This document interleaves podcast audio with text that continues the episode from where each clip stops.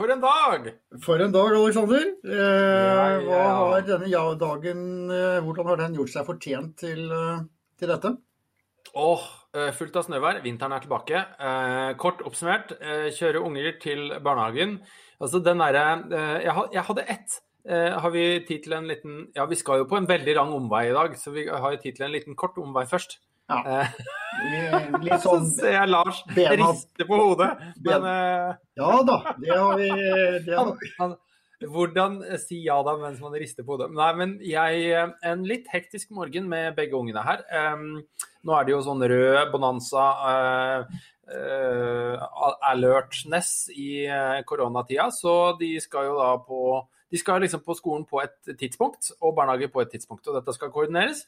Eh, Så forsov vi oss eh, litt, grann, ble litt hektisk. eh, Og selvfølgelig ikke de klærne som vil på, osv. Ja, det er en sånn klassisk småbarnsfar-hverdag. Eh, Men så har det jo snødd mye, så jeg, jeg satt og humra.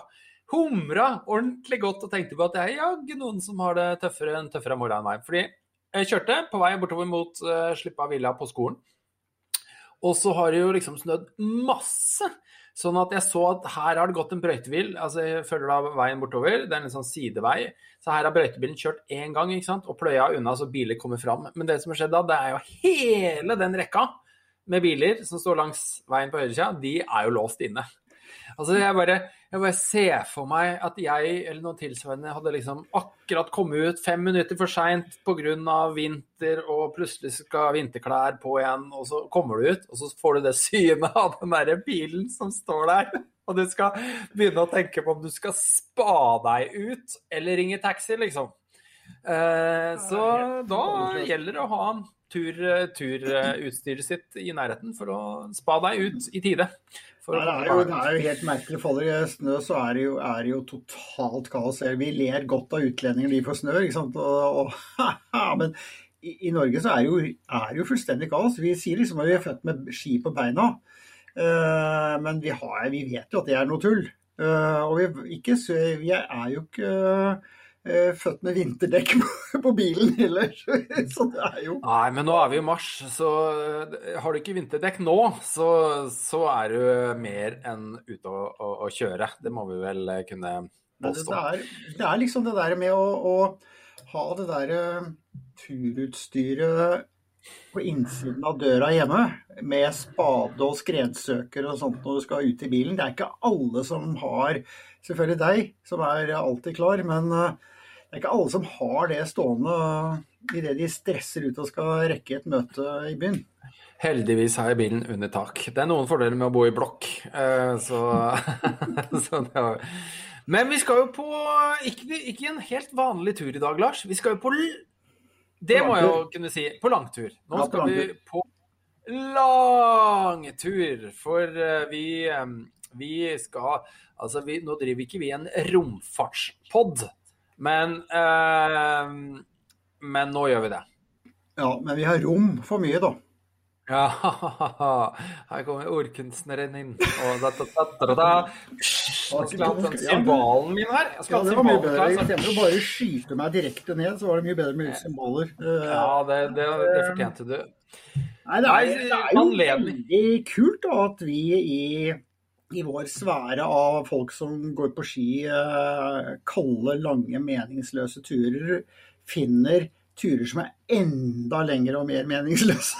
Ja, og som vi er blitt invitert på. Vi ble jo det, gjorde vi ikke det? Vi ble det. Vi ble det. Ja, jeg mener å huske det, fordi eh, vi Altså, vi- hvis vi først Først skal vi dra anledningen. Altså, vi tenkte at dette her var på høy tid nå, altså 22. februar.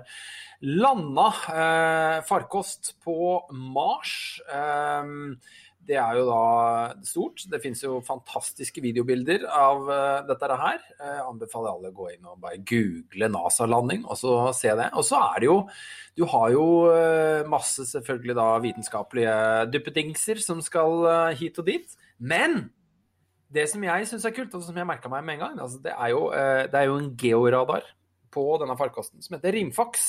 Eh, som er norskutvikla, hvis ikke jeg har tatt det helt feil. Um, og det i seg sjøl er ganske kult, men det er da en nordmann som heter Håvard Fjær Grip, som Hold deg fast, hold deg fast, som skal da eh, rett og slett fly drone på Mars. Altså, eh, han skal fly det fjernstyrte helikopteret. Det er ganske rått! Tenk deg å sitte hjemme her og så fly drone på Mars! Fy fader, da kjenner jeg at da kribler det langt inn i tolvfingertarmen. Jeg, jeg, altså. tror de har noen, jeg tror de har noe, et par sånne At den ordner litt opp sjøl, fordi det er seks minutter det går fra signalet forlater dette helikopteret. Det dukker opp hos eh, far i byen her. Jeg bare lurte på om de har slått av Ja, unnskyld. Ja, unnskyld. Så, så det, Nei, er bare- liksom, det er muligheten for liksom å så, å, Et lite fjell der Skal vi se Om tolv minutter så er jeg jo langt inn i den fjellveggen. Ja, og jeg, jeg håper at de har slått av den derre return to home-autofunksjonen når det begynner å bli litt, eh, litt lite batteri. For det er litt kjipt om på en måte du Han har eh, GPS-koordinater fra jorda, og så legger han da ut på en litt nytteløs ferd alene tilbake igjen. Eh, synd. Noen bør ha tenkt på det. Ja. Jeg regner med han Vi kan jo ringe inn og eh, si det sånn i tilfelle de har glemt det. Fader, det er jo sånn tidenes idiot-samtale. Jeg tror vi er, jeg tror vi er litt ute på polare vidder her nå, eh, for så vidt. Men Ja. det som er det kule, er jo at eh, altså eh, eventyrere som går til Grønland, drar til Grønland og Nordpoler og Sydpoler og sånt, og de, de vil jo forferdelig du, du gjør ikke sånne turer med mindre du vil ordentlig. Og den derre viljen til eventyr og vilje til å gå ut av komfortsonen og vilje til å lære og mestre og sånt noe, den, den ligger jo i mange av oss. Men det er noen som har utvikla det hakket, hakket mer. Det er det. Ehm, og eh, vi har jo, vi i Tur og Tøys Her kommer da den. Vi i Tur og Tøys har eksklusive arkivopptak med eh, to personer som faktisk eh, eh, er eh, gift. De er de første s- ekteparet som har vært på Nord- og Sydpolen. Og de Everest. langt Og Everest eh, i tillegg. Og de er langt framme i kappløpet om faktisk eh, å realisere, hold dere fast, eh, bemanna Mars-eventyr. Ikke, ja. Og det er jo eh, Jeg har jo kjent til dem lenge.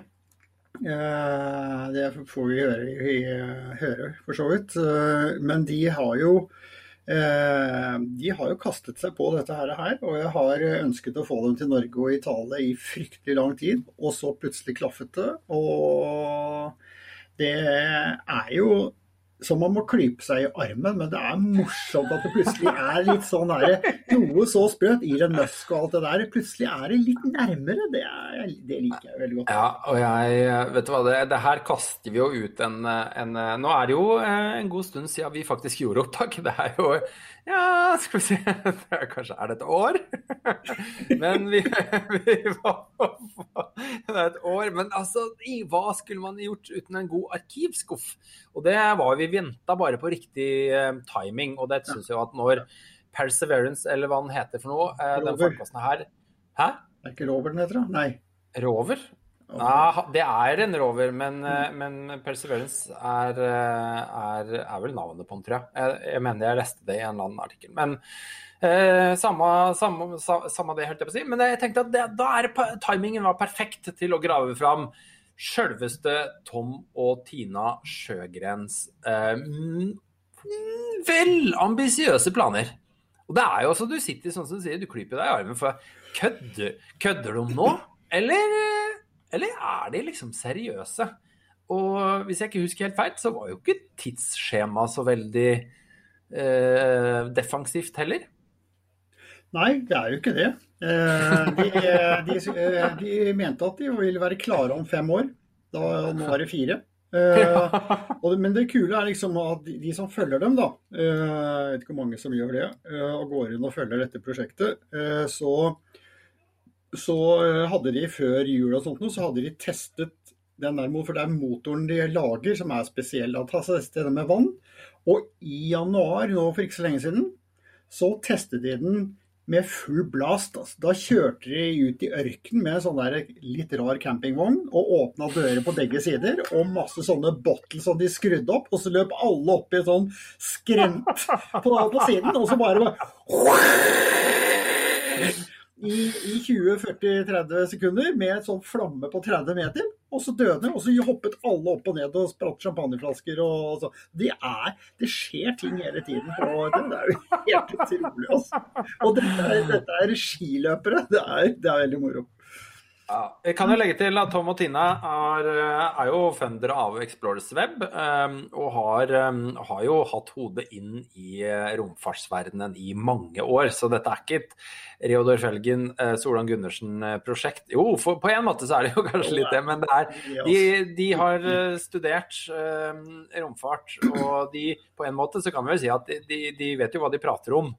Men det er jo turfolk, så de bør jo ha en god plan for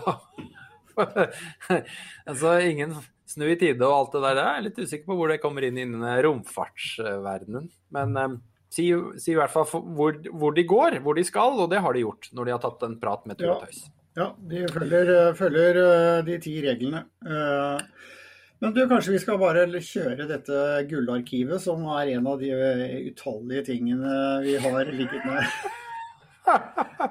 ja, det gjør vi. Eh, hvis ikke du har noe mer å føye til, eh, Lars, så sier vi egentlig bare vi skal ødelegge dette noe mer enn det vi allerede har gjort, ja.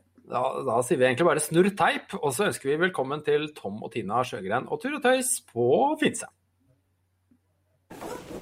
Da er eh, det ferdig med et foredrag eh, her på Finse, og vi skal prøve også å få tak i eh, Tom og Tina. Tom og Tina Sjøgren er jo eh, noen legender. Eh, kanskje mest kjent for eh, Tre poler, og ikke minst har etablert Explorers Web bl.a. Men nå har hun med helt nye spektakulære planer som jeg skal prøve å få nappa dem ut av folkemengden som kommer ut her, og så skal vi ta en liten prat med Tom og Tina. Kanskje gå bort og hente litt kaffe. Og så skal vi prøve å finne Lars. Han er jo et eller annet sted. Han er jo veldig busy på sånne gatherings. Alle skal prate litt med Lars om et eller annet sært som bare han kan. Der er det litt kaffe. Sånn. Da begynner vi å bli klare. Eh, velkommen, eh, Tina og Tom. Det er på, på Finse, liksom. Takk så mye. Har dere vært her før? Nei, det her er første gangen. Og det er greit. Dere er våre første svensker. Ikke bare på Ekspedisjon Finse, men, men i podden. Jaså? Ja. Ja, hvilken, hvilken ære! Det er jo faktisk det. Det er jo det. Ja. Vi har liksom ikke vært så internasjonale. Interessant. Ja. Og hva beror det på? Er det Nei, vi liker jo ikke svensker. Ja, det det. vi må jo holde den oppe, ellers så blir det jo feil. Nei, nei det er, jeg har hatt lyst til å ha dere her lenge eh, på, på, Finse. Og det er fantastisk at eh, dere kommer her nå. Og eh, Det er fantastisk for oss å være her. Vi har, liksom, vi har er å takke for veldig mye på nord, for vår. Vi, hadde, vi hadde klatret Everest. Och då så, vi visste ingenting om polarskidåkning. Och det första vi gjorde var att vi drog över till Oslo. Vi träffade Rune längst bak i en bar. vi träffade dig och Börje, vi träffade Sjur. Jag menar, vi, vi träffade varenda norrman vi kunde. Och, och bara frågade vad är det för material, vad är det för skor, vad är det för, vad ska vi tänka på, vad är det för misstag ja, vi, kan göra? Åt, vi ska göra båda polerna, vi ska göra dem utom airdrops, vi ska göra dem back to back. Alltså båda två liksom. Ja. Och vi hade åkt förut, så kan ni berätta för oss hur vi ska göra? Ja, det var, jeg, jeg husker det. Det var, ja, ja, det var eh, det var sånn eh, ja, To svensker som skal gå til begge polene back to back. Full, full lengde, ikke sånn som i dag hvor alle bare går slåss til sånn. OK, ja. ok, Og så de å snakke Ok, vi må ta dem. De mener alvor. De, de, de, skal det jo! Ok, vi må, nå må vi virkelig skjerpe oss her. Sjur Mødre var med oss oppe i, i, i Kanada, i norra I Kanada. Iqaluit, Ja, i med Buffy. ja, lärde oss att skjuta med bössa och lite grejer. Men kommer du och, ihåg vi, och vi efter var att vi tvungna hade, att... kommer du ihåg efter att vi hade träffat dem först här i Oslo så gick du och jag ut ensamma själva och så sa vi "Fan, de verkar liksom lite negativa sådär. Och Sjur var, Sjur var så bekymrad för vi hade varit på Sydpolen innan. Och det enda vi ville göra var att äta och dricka öl hela sa, ni måste ta det här på allvar. så Sjur sa, så vi sa till Sjur, nej men vi, vi ska bara vara ute en vecka så får vi se vad som händer. Och då var han lugn igen. Men det, Sen ringde vi sju varje vecka på vår satellittelefon från Israel. Sju, det här går ju inte. Vad är det här för någonting? Men det gick ju bra. Det gick bra Ja. till sist. Hva, hva, hva, hva, hva husker du liksom best fra eh, Nordpolen? Vad sa du? Ja, er det liksom, dette her er jo eh, ganske mange år siden. Da. Ja, det är Ish. 18 år sedan. hva, er det 18 år som, sedan. er det som sitter igjen som sterkeste minne fra Nordpolen? Fra, Starkaste minnet från Nordpolen? ja? Alltså, det var, det, det var ju inte, det, det var, alltså det går inte att jämföra med Everest eller till ens med Sydpolen. Det var fruktansvärt tufft. Och vi trodde aldrig, inte en enda dag trodde vi att vi skulle klara det. Utan varje dag så vaknade vi upp och, sa, och tänkte för oss själva, det här kommer aldrig att gå. Men vi, vi var inte tillåtna att, att säga någonting negativt till varandra. Vi fick bara skriva upp lappar. Vi skulle Så- ta upp allting efteråt. Så vi, inte ett enda ont ord på hela expeditionen. Så det var bara, vi sa bara positiva saker i 67 dagar. Nei, jeg, jeg husker vi satt på Sjur, jeg satt jo på samme kontor og snakket jo med dere. Og vi Nei, dette, kan, kan dette gå? Sant? Nei, det går aldri. Ikke sant? Ja, sant? De klarte også å være sånn Vi må se første uken. Ikke sant? Ja, så gikk jo første uken. Ikke sant? Men det var det Sju sa Och åt då oss. Han liksom sa så- om ni klarar den första veckan. Ja, for det, er- det Då- er alltså, då ökar vår Ja, starter fra precis. vår, liksom. Og det er så sinnssykt. Og det er ingen klarer å forstå den starten på den turen. exakt. Og så bare OK, det, de klarte første uken. OK, Ja, kanskje exakt. det er håp. Och så första, första natten, jag tror aldrig jag varit så skraj i hela mitt liv. För att man ligger i tältet, det är totalt svart utanför. Solen har ju knappt börjat gå upp för det är tidigt på säsongen. Och så har vi fått ett gevär. Jag menar, vi är ju svenskar, vi vet ju inte hur man skjuter med gevär. Nej, det Så då har, vi, då, har vi fått, då har vi fått ett gevär och det var några britter som hade haft det innan så det var en massa skåror i geväret. Vi vet inte vad det var, om det var en skåra för varje isbjörn eller... eller. Eller. Och sen så måste vi lägga geväret, ha det på ett snöre i absinen för att det inte ska bli blött och klogga upp. Det tog några dagar innan vi vande oss vid det där. Han går utanför tältet. Jag åt honom, men vi måste ju provskjuta geväret i alla fall. Vi måste veta hur man gör om det kommer en björn eller någonting. Han säger, okej men jag gör det. Om det vacklar upp så gör jag det. Så hör jag honom gå ut med geväret och så, så hör jag klick. och så hör jag, det verkar inte funka. Och jag bara, try again. Hör jag klick. Och jag bara, försök igen. Kaboom! Så, jag, jag sa till Tom, så vi har en rysk roulette här björnen liksom. Hva OK, skjedde? I count to three. Klick, klick, klick. Ja, it makes sense. Men du vet, vi var så trötta, we didn't care. Vi brydde oss inte, björn eller inte björn, I don't care. Jag vill bara liksom Så vi hade, vi hade 311 kilo tillsammans när vi startade ut. Och vi hade två slädar var. För att vi förstod vi skulle aldrig klara det här med tanke på att Tina vägde 58 kilo. Det var ju precis efter Sydpolen. Så vi hade ju gått ner så mycket. Han hade frostbite på eh, två av sina tår. Som vi nu måste på något sätt läka på vägen till Nordpolen. Så vår första degree tog 21 dagar.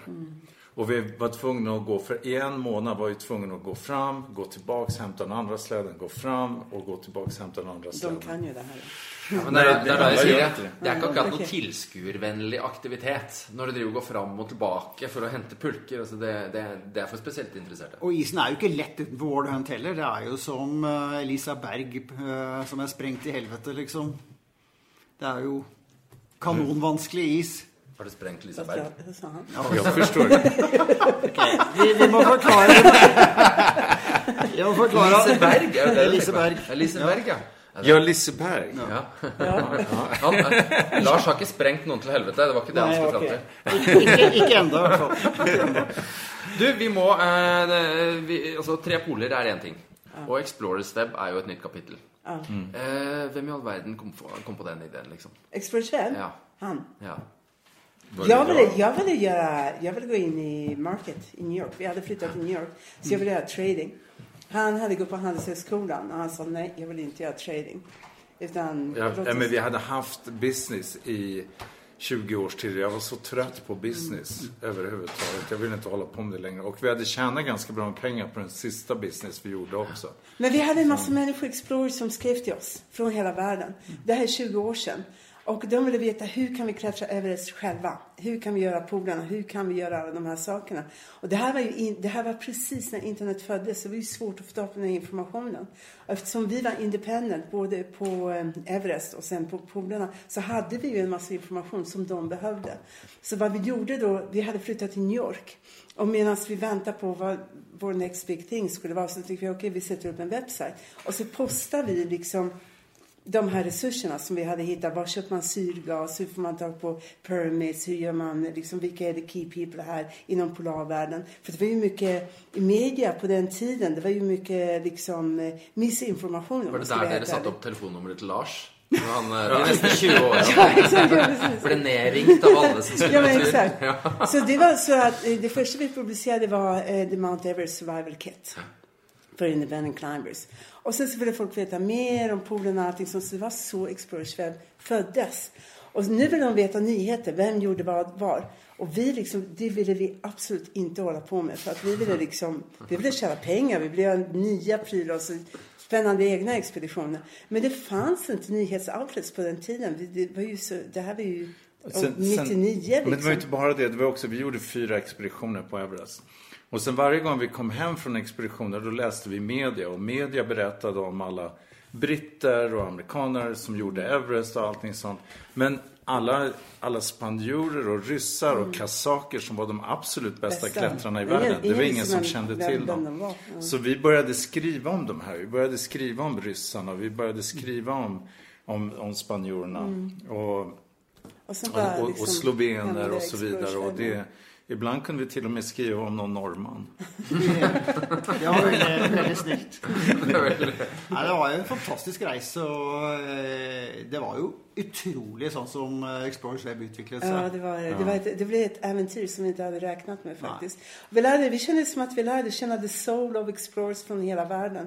Och, och det var amazing faktiskt att få göra det. Vi hade ett stort kontor vid, det var ett utbränt eller utslagen gammal sweatshop i New York.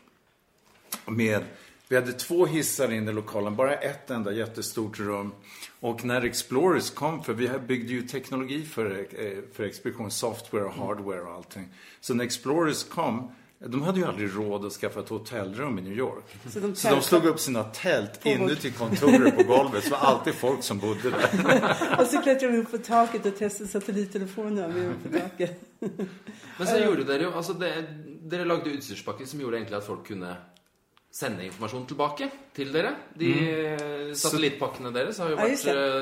eh, brukt i 20 år. Ja, för att det här var ju innan, till och med NASA köpte ju av oss.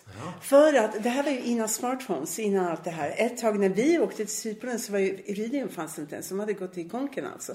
Så vi var ju tvungna att hitta på nya tekniker och skicka tillbaks bild som text.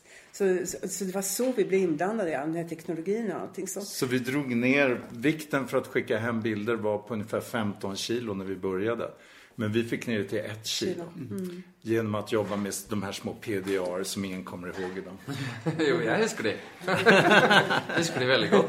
Det er mange folk som har sittet og knota på de PDA-ene og linka opp mot uh, satellittelefonen og Och vi hade världens häftigaste support, häftigaste support på vårt kontor. Så det, folk som jobbade hos oss, de springade hela tiden liksom, att de ringer från Antarktis, de kan inte få det att funka. Til dere. Ja, så nå sitter jeg med det. K2, han sitter i en stormar i läge 3. Vad ska han göra? Det var häftigt. Bildet ble på 2K. Hva Ja, exakt. Jag kan säga, det är någonting speciellt att ge support till folk som är höjdsjuka på 7000 meters höjd. Man måste vara väldigt diplomatisk. familjer som ringde när, när deras folk liksom var försvunna på Everest och sånt. Och eh, försö- vi skulle försöka se om vi kunde liksom connecta upp till deras satellittelefon och sånt. Det var mycket, mycket drama. Husker jo det da det skjedde. Alt skjedde på K2. Da var vel dere inne. Ja, just det. Ja, på K2 så... Og lokaliserte en del. Så vad som hände på K2 var att vi fick, så många hade ju då Turaya-telefoner. Och eh, vi lyckades få Turaya i, eh, i, i Emiratet då, i Abu Dhabi. Så fick vi dem att faktiskt, normalt sett, de släpper aldrig ut positionerna. Men vi fick dem att öppna det och ge positionerna till var senast telefonen hade blivit använd. För vi lyckades, efter lång tid så lyckades förklara för dem att det inte är någon större chans att det finns terrorister uppe på 7000 meter på K2. Men det er jo, det er jo det, det, Men det må jo nesten ha skjedd hvert eneste år. At det- sånn når det er ulykker, så blir jo dere et nav for informasjon. Eh, Utan att vi ville bli det, det blev så. För vi hade ju allas teknologi. Så, för det, så alla ringde hela tiden till oss och jag kommer ihåg under speciellt Everest-säsongerna, det var liksom alltid samma sak. Man vaknade på morgonen, jaha, är det någon som har gått åt idag? Och så vidare. Så Ja, hardt. Ja, det var jobbigt. Det var jobbigt, för vi kände dem ju allihop. Ja, sant? Det blir, det blir så nært. Ja, eh, det Ja. du lever liksom i, i, I det tiden. Det ja. er, jo, det er en stor luksus å få del, delta, men det er en kostnad å henge med emosjonelt. Det var det, många av dem, det var som våra bröder och systrar. Alltså. Och K, var- det var- K2 var ju en av de värsta. Och sen en av sakerna som alltid hände efteråt, det var att man fick mail från folk efter att de hade gått bort. För att det var sådana här standardsvar och sådana här saker. Så att de fanns kvar i mailboxen hela tiden. Ofta var vi de sista de pratade med för någon support. Då. Men har det vært mye kritikk, liksom? Har det, er, det, er det sånn at folk, når, folk, når det har skjedd ting, så føler folk at det her må legge et ansvar på noen? Har, har dere fått mye pepper? Eh, I forhold til enten innhold eller ulykker eller måten dere er Nej, inte direkt. Nei. Nej, Vi har, Da hopper vi over det spørsmålet. Det var ikke noe interessant. Var dårlig. Ja, det var veldig dårlig spørsmål. Veldig dårlig spørsmål. Ja. Jag Jeg var är helt inte sikker. Altså, for når vi har en pod liten podkast, vi får jo så kjeft. Vi har jo så mye, så jeg regner med at dere må jo ha vært gjennom De ti får, år. de, med- de får det nå. De, dere Nej, det nej, men alltså, det fa- fanns ju folk som tyckte att man inte skulle använda någon teknologi. Du har ju alltid två läger. Va? De, vi, kallar dem för luddites och ludditer. Liksom.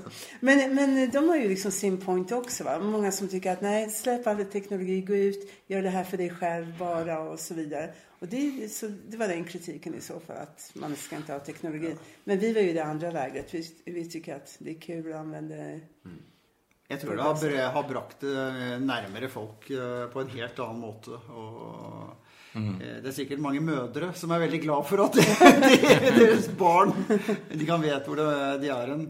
Men så jo nå med Børge og Mikes siste ekspedisjon hvordan VG var på. Med, det ble fulgt nærmest minutt for minutt. Altså, Ja. det- Men, men det är väl häftigt? Jag menar, världen behöver se vad det här handlar om. De behöver se liksom, när det är riktig kris i det yttersta. Det är alldeles mycket rädsla i världen idag. Folk är ju rädda för allt möjligt. De behöver se sånt Vi, här. vi var ju på Everest 96 när alla olyckorna hände. Vi var uppe på Camp 2 när, när folk började dö där uppe och det spreds över hela världen, nyheterna.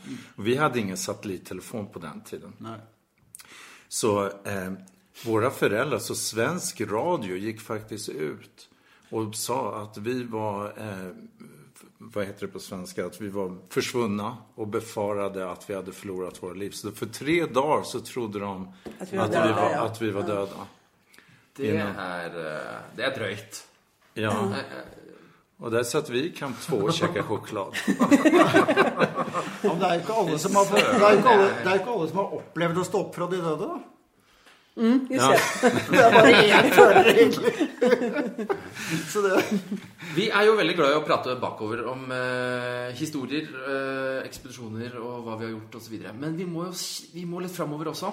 Kan ikke dere Kan ikke dere ta oss tilbake til det derre Det punktet hvor dere eh, seriøst begynte å vurdere, eller bestemte dere for at dere skulle jobbe mot et helt nytt mål? Oj, ja visst, absolut.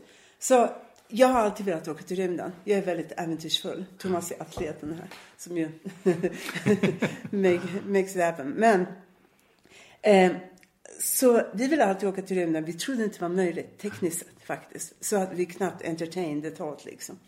Eh, men vi var i New York. Vi hade gjort alla våra expeditioner. Vi hade ganska mycket pengar, faktiskt väldigt mycket pengar. Så vad, vad är the next big thing liksom?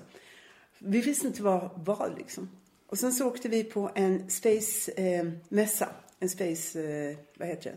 Ja, en space-mässa. Ja, just mässa. Ja. Rymdmässa. Och där lyssnade vi på ett talk av en kille som heter Robert Zubrin. Och han var en gammal NASA-astronaut, eh, ingenjör. Och han höll ett en timmes talk om att det är möjligt att åka till Mars. Och exakt eh, hur lång, eh, eh, vilken teknologi som skulle krävas för det. Hur lång tid? Han hade räknat på allting. Han räknar. Och, Vi- och hur mycket det I skulle kosta. 2006? Nej, Nej, det här, var två, 2000. det här var nog snarare 2003, 2004. Så tidigt. Ja. Och, eh, och det var det. Och jag var you gotta be kidding me. Så jag sökte upp honom efteråt. Jag sa åt Thomas när vi satt där, kommer du ihåg det? Jag sa, hör du vad han säger? Ja. Så, ja. Vad har det med mig? Nej, nu får det vara nog.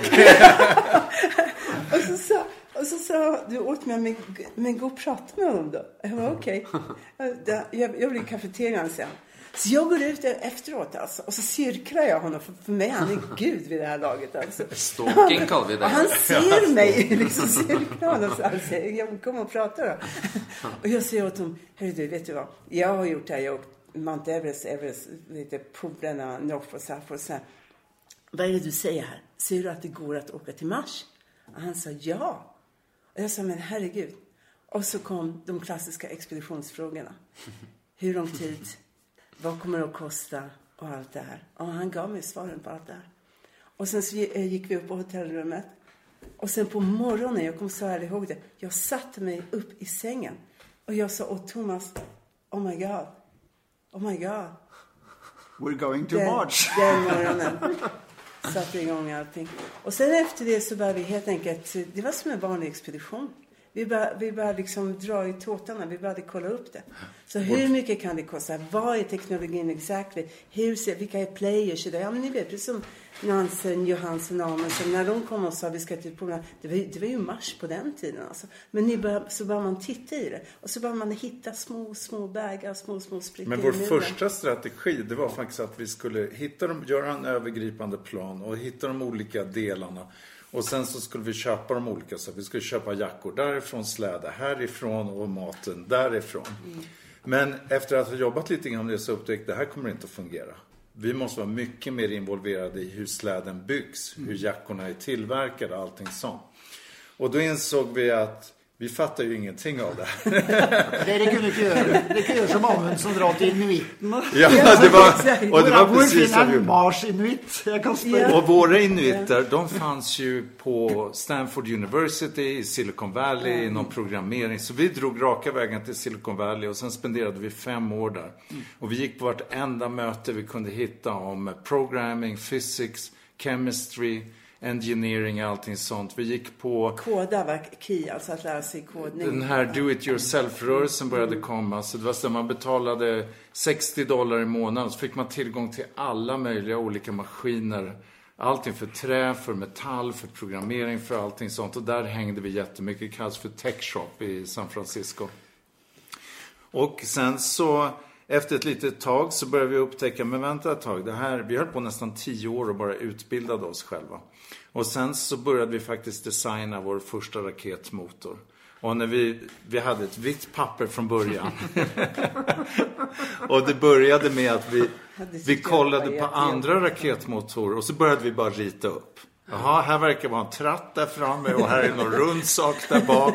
Vad är det där? Är det bensin det? Eller vad är det för något? Så det Og der sen- det starter, liksom. Du begynner å tegne din egen er Ja, och sen, eh, sen så började vi göra det här i kod istället. Vi började med olika material och lära oss. Vi började träffa folk som kunde det här. Så. Och nu är Vi gick inte så raketmotorn... mycket till Boeing och Raytheon och de här. Vi lärde känna astronauter. Så att vi fick faktiskt specialturer i Houston, alltså på deras NASA där. Vilket var otroligt intressant, för det var otroligt tomt. Det var ingen där. Det var tungt. Jag vet inte om jag får säga det.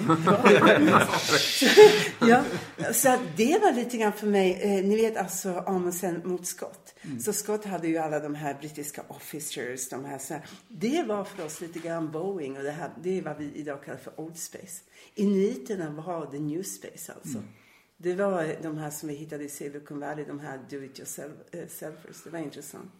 Men eh, så vi lärde känna astronauter så de berättade för oss hur det var faktiskt på rymdstationen. Vi fick gå igenom en hel, de har i ljusen så har de en hel mockup eh, av rymdstationen. Med ryska delen, med amerikanska delen. De har en mockup av chatten Och eftersom han var astronaut, vår kompis, så vi fick in, gå in bakom kulisserna. Så vi fick se exakt hur allting var byggt. Med alla, vi trodde att vi skulle se en massa computer screens. Nej, det är gamla hederliga switchar.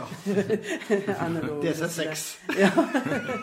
så vi fick ställa båda världarna mot varandra. Alltså, Mm. se då. Och, och sen så utifrån det så började vi bygga. Och hela tiden vi byggde, då hade vi vår bakgrund som klättrare och som polarfarare bakom oss, hur allting var organiserat.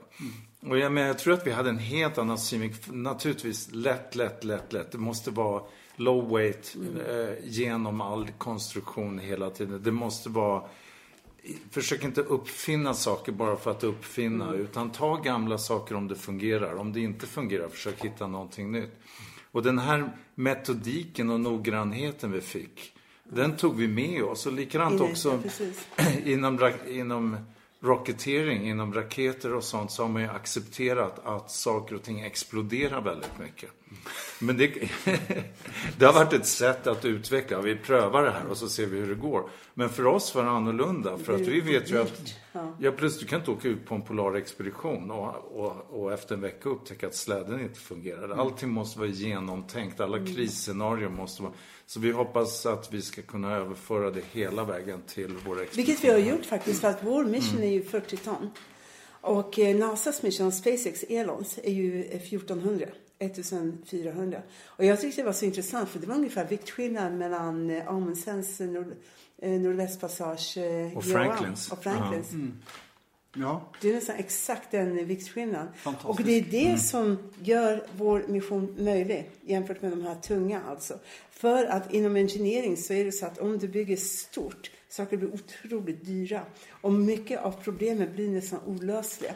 Elon har enorma problem nu med sin stora spaceship. Det är tungt. Det är liksom mycket eh, grejer där som inte funkar som måste alltså reinvents. Men för oss som håller det hela otroligt eh, lite, mycket av problemen är lösta alltså. För att våra, vi har redan skickat probes till Mars och landat på, på Mars med eh, Curiosity alla de här. Och vår, vår hardware är ju alltså inte mycket tyngre än dem. Så det vi gör, det har redan la oss- gjorts. vi, vi- må ta en fot i bakken. Ok, Dere har eh, ti år med utbildning. Dere har gått på, har gått på skole, universiteter, lært alt. Om alt fra legeringer og kjemi og alt. da, ikke sant? Og så har dere tegna rakettmotor. Altså, sånn, eh, Nej, också en raket. Rakett. og en også. rakett. Ja, Ja, hele rakett. Med, med motor. Du har ikke fått där, Nei, jeg har ikke, jeg har ikke, jeg har ikke sett raketten. Men, eh, men hva skjer nå? Hvor er dere? Hvor, hvor, hva er neste skritt? Hvor, eh, hvor er vi om to år? Når reiser dere? Hvor skal dere? Om, om, om fem år. Om fem år. Ja. Da, da eh, prater vi da ut i satellittbane først, eller er det liksom sånn s- rå, råka vägen mot Mars? Just nu, Ja, ja. inom de närmaste 69, så anledningen till att vi är i Europa just nu är för att vi håller på, vi är på sån funding round.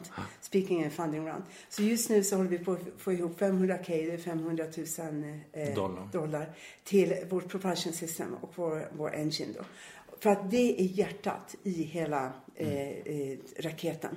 Resten är bara scaffoldings och, och lite extra liksom för attitude control och sånt. Eh, Så fort vi har fått de pengarna, eftersom allting är klart, grundarbetet är klart, så räknar vi med att det här ska vara klart inom 69 månader. 69 Med motorn. Med motorn och propulsion system. Efter det går vi direkt på den första raketen. Och det är vår minsta raket. Och den kommer att kosta 10 miljoner dollar. Och det var den som DARPA valde ut som en av de här 10 finalisterna. För att det, det, det finns ett behov av det idag på grund av nya saker som händer inom eh, satellitmarknaden. Mindre satelliter som, kommer längre, som ska sättas i Leo. Så Och den, den raketen blir också finansiering av hela expeditionen. För att idag så är vårt segment mindre än 500 kilo upp till Leo. Alltså satellit som är mindre än 500 kilo. Vi, fin- det, vi är bara 13 stycken över hela världen idag. Bygger. Och det är bara en som har skjutit upp ännu, av de 13. Och eh, den som, han som, de som har skjutit upp, det är Rocket Lab, ett nyzeeländskt företag. De blev värderade till en miljard dollar innan de hade skjutit upp första raketen. Okej. Och så värderingarna efter att man har vis, att man demonstrerat att motorerna och propulsionsystemet funkar så pratar vi om värderingar av företag på mellan 100 upp till en miljard dollar. Så dere trenger ikke crowdfunding fra Tur og Tøys sin lytterskare?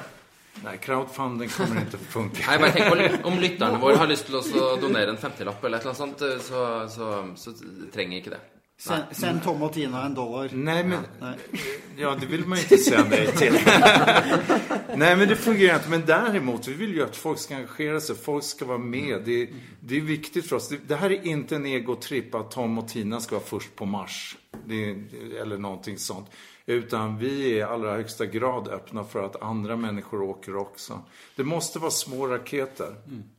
Som vi ser det. Två personer i varje. Men vi har ingenting emot att flera sticker på en gång. Tvärtom, det kan vara Så roligt. kan, det kan flera som drar samtidigt. Ja, ja. Ja, liksom. ja, ja. Så det blir en community där uppe. Vi kan ha lite community som åker iväg. Så det är vi i allra högsta grad öppna för. Och vi vill gärna engagera folk och försöka förstå att när NASA under alla dessa år har sagt att rocket science är rocket science. Så det stämmer inte. Ah, Rocket nej, science... att, att, rocket, att rocket, eh, space is hard. Att space is hard, just, Ja, just det. det. Tack, Ja. tack för det.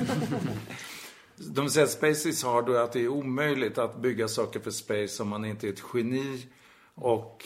Och ha en miljard dollar. Ja, så vi försöker nu bevisa att det, man kan bygga saker för space även om man är lite korkad. Det er like Så- herlig som det er spinnvilt. Så, så, så eh, pengene, det er jo alltid der det lander. Ja. Så pengene finns ligger i, i det første skrittet Nej, de ligger, nej, de ligger överallt. Och det är det som är grejen. Neil deGrasse Tyson, han är chef för Planetar- Hayden Planetarium i New York City. Han är en, han är en eh, fys- Visionär och visionär fysiker. svart kille. Han är fantastisk när han pratar om space alltså. Han gjorde för tio år sedan, han gick tillbaks hela vägen i historien för att se vad det är som har finansierat exploration genom hela vä- vägen tillbaks. Han kom fram till tre saker. Nummer ett, defense, försvar alltså. Ehm, eh, nummer två, eh, eh, förväntningar om financial return. Och nummer tre är praise of power. Alltså att man biffar upp sig. Och vad som har hänt nu det är att alla de här tre håller på att converge till vårt förmån som explorers. För att vad som har hänt är alltså Kina. Vi har haft, vi har känt till det här med asteroider hur länge som helst. Vi har känt till vad som, rikedomar som finns där ute, men det är ingen som riktigt har gjort någonting åt det. Ända tills nu Kina. Och vad Kina gjorde, det var att de satte upp för 15 år sedan att de ska, eh, eh de eh, ska sätta upp ett eh, rymdsystem, alltså ett, en space agency, där de ska alltså bygga allting på väldigt kort tid. Och jag kommer ihåg när de kom, för vi var på en spetskonferens i, i eh, Colorado Springs. Och det var en liten delegation där, tio kineser och en kines som stod och pratade uppe på scenen. Och de tio satt där nere och liksom watchade him, att han sa rätt saker och så vidare. Kina var nobodies på den tiden. Alltså det var ett u-land. Och nu var den här killen då rada upp, ja vi i republiken Kina, vi ska göra följande saker. Vi ska bygga den raketen det året, den rymdstationen det året, skicka upp våra första taikonauts det året och så vidare. Gick han tio år framåt i tiden. Och sen så sa han, och, eh, liksom, och ni, vi bjuder alla här att vara med. Och så gick han ner. Så vi gick ut på golvet efteråt, bland Boeing och alla de här generalerna. För det är sån här space, military eh, och businessmässa. Och så sa vi åt dem, vad, vad tror ni om det här? Liksom, de kineserna där inne.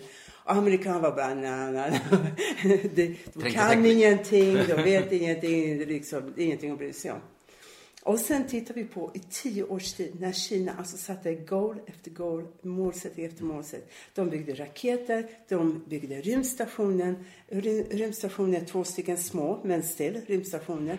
Skickade upp den första taikonauten, flera taikonauten, taikonaut-tjejen och så vidare. Alltså det var ju bara helt otroligt. Och kom ihåg, SpaceX efter 20 år kan fortfarande inte skicka upp alltså en kille. Og så kineserne er jo mindre, mener jeg. Du trenger jo mindre, Det, det hjälper. mindre fuel for å ta det til Mars. Men vad som har hänt, så att nu har de fått blodad tand. Så att nu, alltså förra året så hade de fler launches än vad både USA och Ryssland hade. Och vad de är ute efter det är att klippa hela satellitmarknaden och sen att mina asteroiderna. Det här har satt en jäkla fart på Amerika alltså. Och det är därför nu, eh, bara för ett par veckor sedan, de satte upp sin Space Force och eh, satte upp sitt Artemis-program som är den här lunar, cislunar spacen med, eh, med en rymdstation som ska cirkla kring månen och sen så ba, eh, eh, en månbas. Så vad som har hänt är att det som drevs förut ifrån det kalla kriget mellan Sovjet och USA, det har förändrats totalt. Så nu är det economic, ekonomiska faktorer som driver allting. Och i viss del, och det handlar om positioner ute i rymden. Eftersom Kina militärt sitter på värdet av alla asteroider. Det, det, det är en sak, men vi måste se till att öppna. Och USA nu startar sin Space Force, Frankrike startar en Space Force och det handlar för att skydda privata intressen för att åka upp och vara med på den här nya guldruschen som kommer att hända i Space och redan har börjat faktiskt.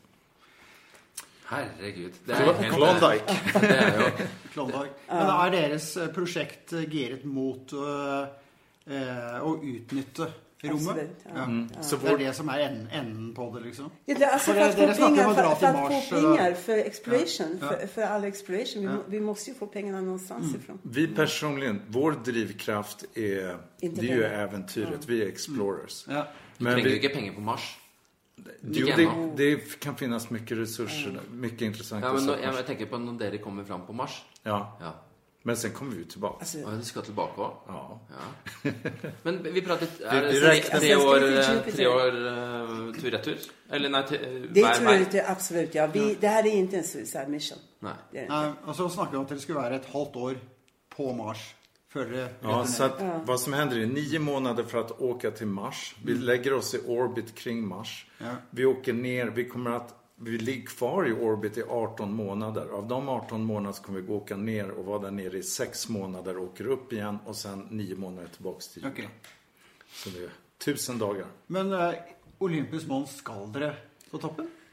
Nej, inte den här trippen. Det er turismen, romturismen. Ja, det, precis. du. Ja, ok. Saxa den där. For de, som ikke vet det, så er jo Oly- Olympus Mons det høyeste fjellet i hele I solsystemet. hela Ja. solsystemet. Ja. Noe sånn, Tre gånger Everest. Ja, 30 000 Men det er, meter. det, er, det er jo ikke noe, det er jo ikke noe vet. Nej, det, det, er jo det är en eh, pl- platå. Ja, precis. Ja, ja, det är en exakt. platå. Ja. Ja, det är en vulkan. Det, är en, det är en vulkan från början så att den är, och på grund av att man inte har kontinentalförskjutningar på Mars så har den bara växt och växt och växt och växt så den har inte långsam spridit ut sig. vulkanutveckling. Ja, precis. Det är därför den har den här shapen. Ok. Vi får jo ofte sånne spørsmål. Hvordan forbereder jeg meg? Hvorfor, hvordan trener jeg for at jeg skal til den og den turen osv.? Mm. Dere har begynt å trene. Dere har jo eh, Har ikke dere begynt Ja, å lage absolutt. Mm. basecamper på eh, Bodd i klimatiske forhold, sett på Også forska på de løsningene? Ja, vi håller oss, vi, vi, vi tränar ju i princip varje dag så att vi håller oss i bra trim. Det är därför vi är i Sierra i bergen nu. Sierra. Men vi tränar inte så hårt som vi gjorde inför en polarexpedition. För det behövs inte. Men vi kan, ha, vi kan åka skidor, vi kan hajka, vi, vi kör lite styrketräning och sådär. Men det är viktigt att hålla sig i en riktigt bra form hela tiden. Sen nästa sak vi gör är att vi äter väldigt bra hela tiden. Ibland lite för mycket. Tredje saken är att vi tittar också mycket på vad som het, het, he- händer nu inom livsförlängande eh, teknologier. Och det är mycket som händer. Och Och, mycket som har connection till space. Faktiskt. och i space har vi två problem. Det ena är radiation. Eh, alltså strålning från, eh, från universum och från solen. Och det andra problemet är benurkalkning. Men benurkalkning kommer vi lösa genom att rotera vårt rymdskepp hela tiden och Så vi skapa kommer ha en, artificial- konstgjord Artificial gravity. Ja. Men har dere liksom lagd en, en, en camp her på jorda som er den campen dere skal ha på Mars? Nej. Nei. Nei. Dere er ikke der ennå? Jag tror inte det behövs riktigt. Ja, hva- hvor, når dere Vi kommer att behöva träna lite G-krafter och sånt. Ja. Men det finns ställen du hyr alltså. Men skal Kommersiella. dere bo på Mars? Vet du, vi Tält. tänkte bo i tält. Ja, vi, vi håller nu på så håller vi på att välja mellan eh, eh, Hällsport och Hilleberg. Så bra. Så bra. Nej, men, så, det, men det där är intressant. För det första, vi vill ha lite skydd från radiation. Och då är det så att på grund av att man har mindre, lägre tyngdkraft på Mars så blir saker och ting lättare större. Och en av de saker som händer är att det finns en massa lavatunnlar. Och de här lavatunnlarna skulle kunna ge oss ett jättebra skydd eh, mot och sen så pratar vi faktiskt om att röra på oss mycket. Vi kommer inte ha ett sånt här fint Marshus. Utan vi kommer ha med oss ett tält och vi kommer att, vi jobbar på att ha ett eh, tält som har dubbla väggar. Och som vi kan blåsa upp när vi stannar i princip för att skaffa, skapa lite tryck och vi stanna. Det kommer bli ett litet tält. Det blir som en spacesuit. Men, ja. Det kommer inte bli mycket större än ett Men Nordpoltält. oxygen. Vi måste ha med oss syre hela tiden. Okej. Och vi gör av med ett kilo syre var per dag. Okej. Det Och det är så lustigt för att på rymdstationen så använder de alltså POISK, Oxygen Bubbles. Och det är precis samma som vi använder på Everest. Ok, så da har vi dekka inn telt, oksygen, altså eh, brenner. eh, Skal, Skal ha med en, skal dere ha med pulk? Når dere går rundt Ja. der en liten trille... Vi, alltså vi, har, vi planerar att vi kommer förmodligen ha skidor. Och anledningen är för att Vi om vet vi... ju inte vad som finns under. Så vi behöver sprida vår vikt. Så att skidor kommer nog att bli en ganska bra... Nå ha Ett med bra. Auslandsskien, da. Kanskje. Ja, det blir, det blir norska skidor. Da, da, nå har blir- du sagt det. Har Ja, det blir Åsnes. Men, men eh, dette her, er altså, jeg, jeg tenker jo at de som hører på dette her, t- tror jo fremdeles at dette her er en stor spøk. Og det er jo, det er jo lett å tenke sånn Alltid når man pusher tanker og ambisjoner og visjoner, så, så er det liksom De første tankene er jo at det, det her går jo ikke an. Akkurat sånn som dere har, har gått igjennom. Men dere ser jo at det er mulig. Eh, Vi prater fem år, så, så ser dere for dere at dere sitter på Mars og drikker kaffe. Japp. Ja, Sex år. sex, fem år. Vi tror att vi kan ha projektet klart om fem år. Och det, man måste sätta lite press på sig själv också och annars så kommer saker och ting bara rinna ut. Det här är långsiktiga planer och det har varit lättare att säga men det här kommer att vara klart om 10 år eller 15 år eller allting. Men om vi ser att om allting klaffar, om allting går bra så är fem år väldigt realistiskt. Grejen är att det kan till och med hända på tre år. Men hvis dere snakker om eh, at mining eh, blir det, altså gruvedrift blir store ute i rommet, eh, snakker vi da om Mars, eller snakker vi om asteroider, eller? Asteroider till att börja med. Vi har, månen. Månen? Ok. vi har ju mappat hittills 20 000 asteroider som kommer till oss. Alltså, på sina banor. Och de är kommer ju jättenära både jorden och eh, månen. Och de ska vara relativt lätta att eh, mine. Eh, för det första så har du en större berikning än vad du, vi har i gruvorna här. Och så är de lättare också att eh, bo, eh, få ut. För att det är lösare, regoliten är lösare. Så att det är alltså till och med själva utvinningen är lättare. Eh, Så att om vi ba- bara börjar med de här 20 000, inte alla innehåller mineraler och metaller. Så att just nu så... Ungefär 50 procent. Ja. 60 procent innehåller vatten, vilket är kritiskt för att det betyder att vi nu kan eh, make propellants liksom allt och så vidare. Så om vi börjar med dem. Men sen så finns det ytterligare miljoner av dem, alltså i bältet mellan Mars och Jupiter. Ja, fan gud. Men, men dette dette er Det så... bältet? det? ja precis. Men detta är så- Asteroidbältet. Kuiperbältet. Kuiperbältet är det ytterligare längre- längre, det längre bort. bort, ja. Och där pratar vi om hur mycket som helst. Alltså så här, det finns så mycket rikedomar där ute så att det är nog helt läskigt åt det alltså. Och, och universum väntar bara på oss att Men gå det, ut där och... och det, är inte, det handlar inte bara om pengar, för det handlar om att gruvdriften, det finns, alla mineraler finns ju på jorden. Det är bara att det blir svårare och svårare och svårare att komma åt dem. Och ju svårare och svårare det är, desto mer så måste vi förstöra naturen runt allting. Och desto mer energi måste vi använda. Så att det här är ett sätt att också avlasta den börda vi lägger på jorden just nu. Så det er på en måte et, det er et lite klimaprosjekt her òg? Det er liksom Ja, det är eh, jordens absolut. overlevelse. Alltså, så det, finns någonting, det, det finns något som heter Space-Based Solar Power. Det innebär helt enkelt att du eh, lägger eh, solcellspaneler uppe i orbit, low earth orbit, ungefär samma som vi har på rymdstationen. Och sen så beamar du och så kollektar du energin där uppe från solen dygnet runt. Det finns ingen natt eller någonting. Och du har inte heller någon atmosfär som filtrerar bort eh, partiklarna. Så du, du kollektar energin där uppe mycket mer effektivt än vad du gör på jorden. Sen beamar du ner den här energin till jorden. Hur då? Det kan man göra med laser, laser eller, Laser, eller mikro, eh, mikrovågor en, eller particle beams. Det finns tre olika sätt. Så, och har känt till, den här, det, här är bara en teknologi som var framtagen för 40 år sedan eller någonting sånt. Japanerna har jobbat mycket på det. Har inte funnits några pengar i det. Nu har Kina lagt in pengar i det här. Så nu har de, jag tror det är tre eller om det är fem ballonger just nu som de har tethered på 1000 meter höjd.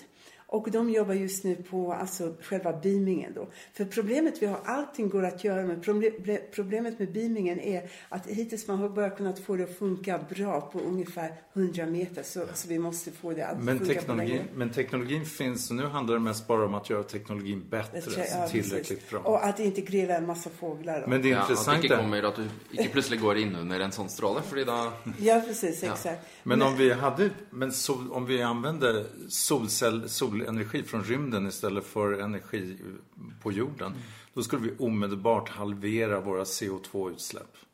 Och kunna provida cheap energy till hela världen. Och det är därför Kina gör det nu. Och de tror, de, eh, de gör det här i år. Om det här funkar som de vill så kommer de nästa år lägga ballongerna i stratosfären. Och sen året därpå eh, börja bygga ut det i space. Det är så snabbt. Det är så raskt. Fantastiskt. Ja, för att speciellt Kina, de lever ju på lånad tid. De, problem vi ser här är ju inte i närheten av de problem som de har. Alltså, de, de, de vet ju att det här kommer inte fungera för Kina. Om, snart kommer vi börja komma på massa idiotiska idéer om hur man ska reglera befolkningstillväxt och sånt här. Men det här är en möjlighet faktiskt att få resurser någon annanstans ifrån. Jag tror det. Du, det jo det jo helt jeg, vi, vi, jeg tror vi kan love at uh, Tur og Tøys står eh, og heier ved oppskyting eh, og har direkte livesending. Mm. eh, Dere når dere reiser. med? Jo. Ha vår egen rakett. Ja. nu börjar de Så kan vi lage Nå starter det nye rakettkappløpet. Så side om side. Mellan Norge och Sverige. Vi må sende klisterlapp. Nej, men det, Vi har er fantastisk. Men, men skämt åsido, det här är någonting, det kanske är, om vi har något, ja, men vi är helt fokuserade på vårt eget projekt nu. Och vi hoppas att folk ser vad vi gör, att folk börjar komma efter och också börjar fundera på att, men vänta ett tag, jag vill nog tänka till lite till på det här. Jag kanske inte vill acceptera att det här är omöjligt. Jag kanske vill se, göra mina egna små beräkningar och fundera på För det behövs mycket folk, mycket nytt folk och det behövs annorlunda folk. Nye hoder. Nya idéer. Friske hoder. Og det har tydeligvis eh, denne science-retningen fått eh, med dere. Det er jo helt eh, rått. Vi må jo bare ønske god tur og lykke til. Det fantastisk. Ja. Tusen takk for at dere kom. Dette er strålende. Vi kommer tillbaks till Finsa om tio år med bilder. Ja. Nei, vi skal, vi skal ha en pod fra rommet når dere er der. Det var Tusen takk Tusen takk skal dere ha. Tusen takk skal dere ha. Tack ska ni ha. det var svensk det siste. Det var veldig svenskt. Fortsätter bara. Kalla krig.